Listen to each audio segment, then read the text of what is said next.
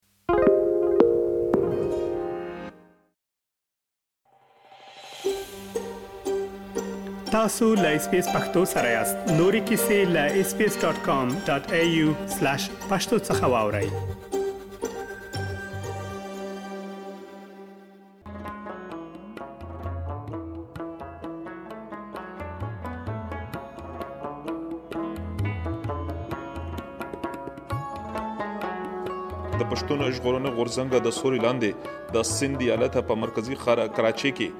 د ایالتي اسمبلی مخې له یو لوی احتجاجي پرلت پیل شوې دي چې مشري د غورځنګ مشر منظور پښتون کوي او په غونډه کې نور هم یو شمېر مشران ګډون لري په پردت کې د ګډونوالو د لوري د سیند د واکمنونو دغه یو لوی غوښتنه ده چې د سویلي وزیرستان د پارلمان غړې علي وزیر چې د سو میاشتو رئیسي د کراچۍ په لوی بندیخانه کې بند دی د راخلاصېدو غوښتنه کوي منظور پښتین د علي وزیر په اړه باندې وویل چې د دولت د لوري په دوی باندې دغه تورونه لګول کیږي چې دوی د دولتي ادارو لپاره سپک توري کارولې دي خو دوی وویل چې بل اړخ ته په هېواد کې مذهبي ډله تحریک لبیک پاکستان چې د امنیتي ادارو د لورې کالعدم هم ګرځول شوې وه، هغه څه کړي دي چې په تاریخ کې یې مثال نه ترلاسه کېږي. دوی وویل چې بیا هم دولت د دوی سره امن لوظنامه لاسلیک کړه او دغه شانتې د دوی یې هغه ټولې غوښتنې ومنلې سره له دې چې هغه د ترهګرو ډلو په لیست کې شمارل شوې وه. دوی وویل چې ټول مشران یې خوشي کړل شول او هیچا ته هم هیڅ کومه سزا ورنکړل شوه. دوی وویل چې باید سیند ایالت د علي وزیر د خوشو کولو په برخه کې د خپلو ذمه وارو څخه کار واخلي. د پاکستان ادارو ته بد رد ویلي دي او هغه ټي ایل پي چې د کفر فتوې پرې لګولې یوې خو هغه پنجابیان وو هغه ته یې وویل چې ټول در خلاصوو هغه ته یې خلاص کړل هغه یې رها کړل هغه ته په هغه یې ګلونه وپاشل او چې کله یې استقبال کوه د پنجاب ډیر سیاسي ګوندونه چې په دې کیسه کې اختلاف هم هم بیا هم دوی ته په استقبال کې ولاړ وو داسې نن پښتانه په دې مقصد راوند شوي دي چې مونږ هم د دغې خاورې د دغې وطن اتلان د هغو سره ولاړ یو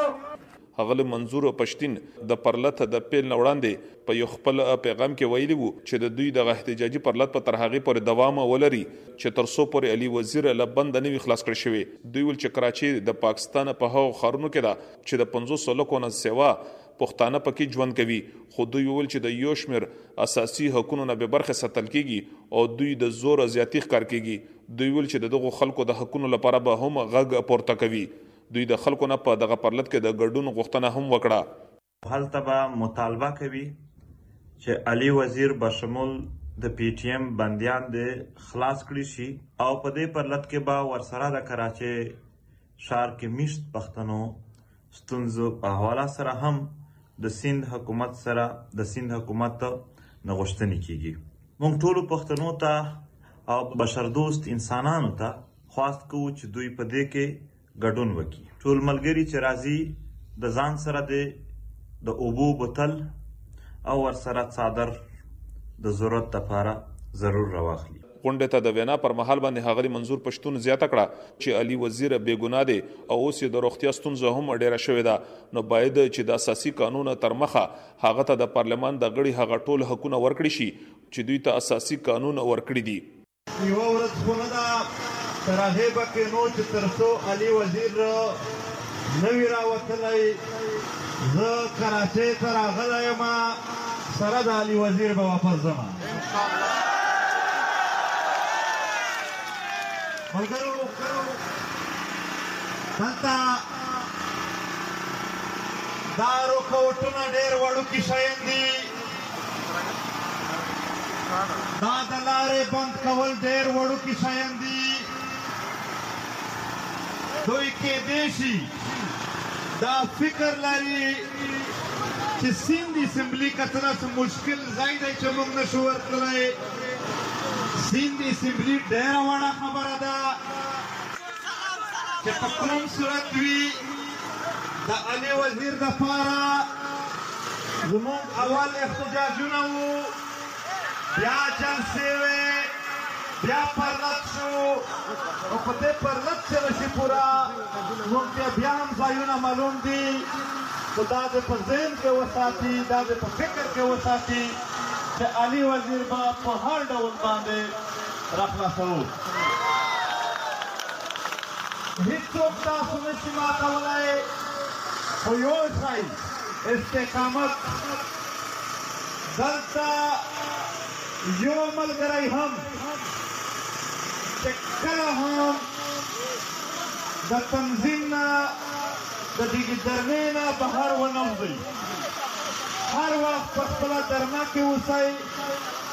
دغه خبره د یادونې وړ ده چې علي وزیر په دسمبر 2020 کال کې د کراچۍ په سرحب کوټ سیمه کې د پښتون ژغورنې غورځنګ یوې غونډې ته وینا کړې و چې وروسته یې بیا د سیند ایالت د چارواکو د لورې په دوی باندې د دولت پر ضد باندې د خلکو د راپارولو تور ولګولو او ویل چې دوی د قانون سرغړونه کړې ده وروسته بیا د علی وزیر ترڅنګ د ګوند مشر منظور پشتون، د پارلمان غړي محسن داوړ، محمد شفیع او هدایت پشتین ترڅنګ د نورو یو شمېر غړو پر ضد باندې هم عریضه شوې وه، کوم چې وخت په وخت باندې ونیول شول، خو ولې بیا وروسته د محکمې د لورې دوی ته ضمانتونه ورکړل شول، خو ولې د اتو یا د نهو میاشتو د ځنډ وروسته بیا هم د علی وزیر د خوشې کولو په اړه باندې سیند یالا ته هیڅ نه دي ویلي، که څه هم په دې وروستیو کې د پاکستان سترې محکمې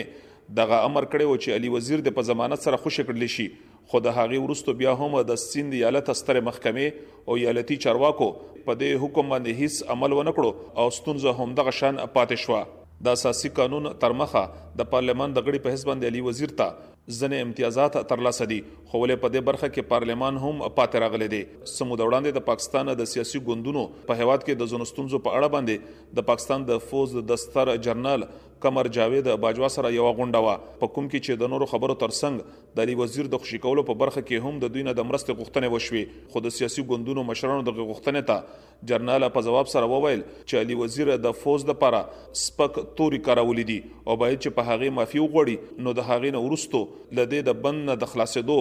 امکان شتون لري خو ولې بل اړخ ته خو ولې علي وزیر په خپلو خبرو باندې معافي غوښتلو ته تیار نه دی چې له امله یې دغه ستونزه همدغه شان پرته ده. د پښتون ژغورنې غورځنګ د مشرانو لخوا ویل شوي دي چې دوی د سیند د ایالتي اسمبلې مخې ته دغه احتجاجي پرلت په تر هغې پورې دوام ولري چې د علي وزیر د خوشې کولو پرېکړه نه وي شوې. بل اړخ ته د غورځنګ مشران وايي چې زر به دوی په اسلام اباد کې یو لوی احتجاجي پرلت پیل کوي او هغه ټولې غوښتنې چې پښتون ژغورنې غورځنګ پر هغې باندې اساس لري د هغوی د منلو او د غوښتنې لپاره به دغه پرلت لا دوام ورکوي. د دوی په لویو غوښتنو کې د ترهګرۍ پر ضد جنګ کې د بې درکه تنانو راخوشي کول، د ماینونو پاکول، د بې کوره شوو خلکو خپلو سیمو ته ستنېدن، د پولیسو او یا د نورو ادارو د لورې د عادي وګړي د زور زیاتي، د ښکاره خلکو ته انصاف ورکول او دغه شانتې نورې یو شمېر غوښتنې د دوی په لېست کې شامل دي.